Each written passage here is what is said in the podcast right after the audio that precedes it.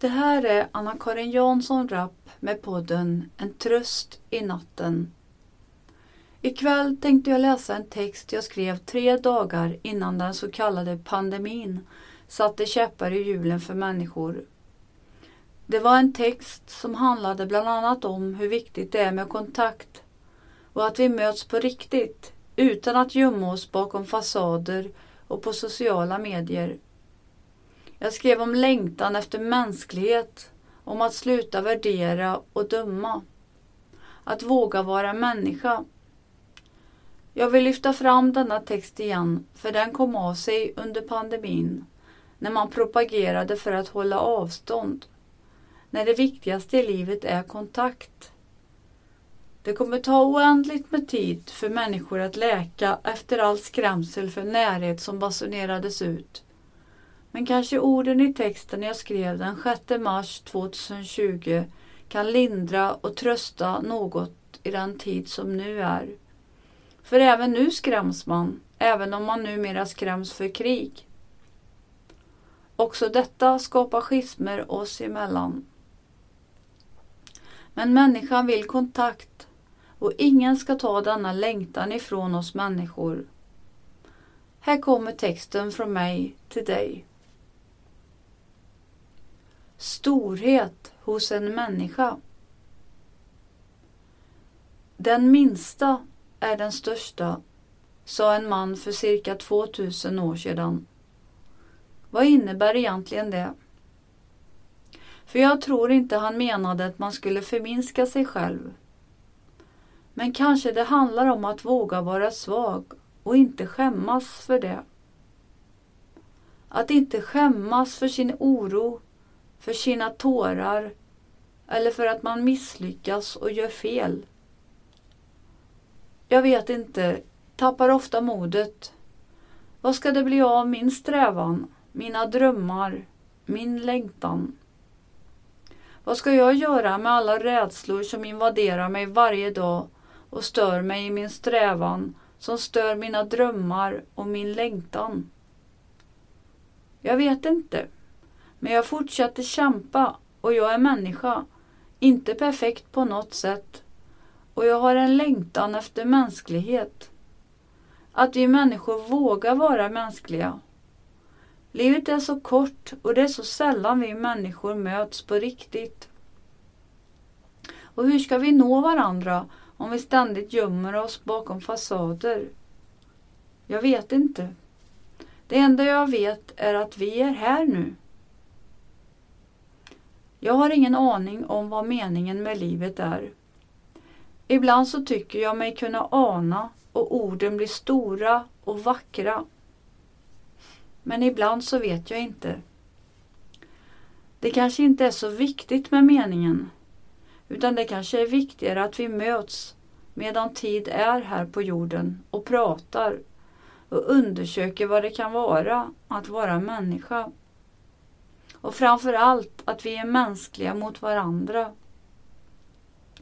Att vi inser att den som står framför oss är en människa som vi. Så att vi inte blir så snara i att döma. För vi vill ju inte heller bli dömda. Men det är svårt. Vi är så vana att värdera och bedöma och när vi gör det så dömer vi. Vi dömer en annan människas livsmöjligheter och det är ju inte okej. Okay. Det slår alltid tillbaka på oss själva. Kanske inte nu, men någon gång i framtiden. För även om vi är starka nu så finns det tider i livet då vi misslyckas och är svaga och vi blir inte yngre. En dag så behöver vi möta en människa som förstår sig på vikten av att vara mänsklig och inte dömande. Som ser oss och låter oss vara så som vi är med all vår skröplighet och kanske till och med älskar oss ändå. Det är den minsta som är den största. Inte den som förminskar sig utan den som slutat att värdera, bedöma och döma och vågar vara människa och mänsklig i mötet med en annan människa som kämpar. Det är storhet hos en människa. Men man ska alltid säga ifrån och höja sin röst när orättvisor sker, när människor blir orättfärdigt bemötta, utsatta, förtryckta, nedvärderade och mobbade. Man ska alltid säga ifrån, också när det gäller sig själv. Och man har rätt till det. Att inte huka utan sträcka på sig. Vi gör så gott vi kan, även om omgivningen kanske har en annan åsikt. Och vi har alla vårt bagage att släpa på. Och om vi inser det kanske vi i större utsträckning kan gå tillsammans på livets väg. Att vi slutar gömma oss på sociala medier och istället börjar mötas på riktigt och ser varandra i ögonen. Vi kanske kan hitta något där tillsammans. Något som länge legat glömt och längtat efter att bli funnet av oss. En gemensam längtan efter mötet med en annan som liksom vi kämpar med livet.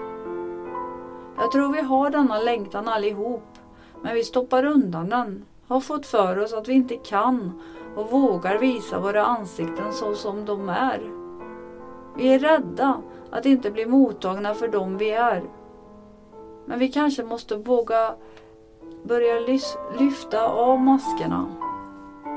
Låta fasaderna rämna. Kanske vi hittar något som vi länge saknat. Kanske vår gemensamma längtan efter en annan människa som är som vi, längtande, gör att vi hittar meningen med varför vi är här på jorden. Jag vet inte, men vi kanske kan pröva. Vad säger du? Ja, det var ord jag skrev tre dagar innan den så kallade pandemin basunerades ut. Den texten kom verkligen av sig men är nu än mer viktig för att den handlar om hur viktigt det är att vi har varandra och att vi stöttar varandra framförallt när maktmänniskor ställer till det för oss vanliga människor. Tillsammans är vi starka och kan förändra det, det, det vet maktmänniskorna. Så de ställer till det så mycket som möjligt för oss. Men låt ingen få dig att tro att du är mindre än du är.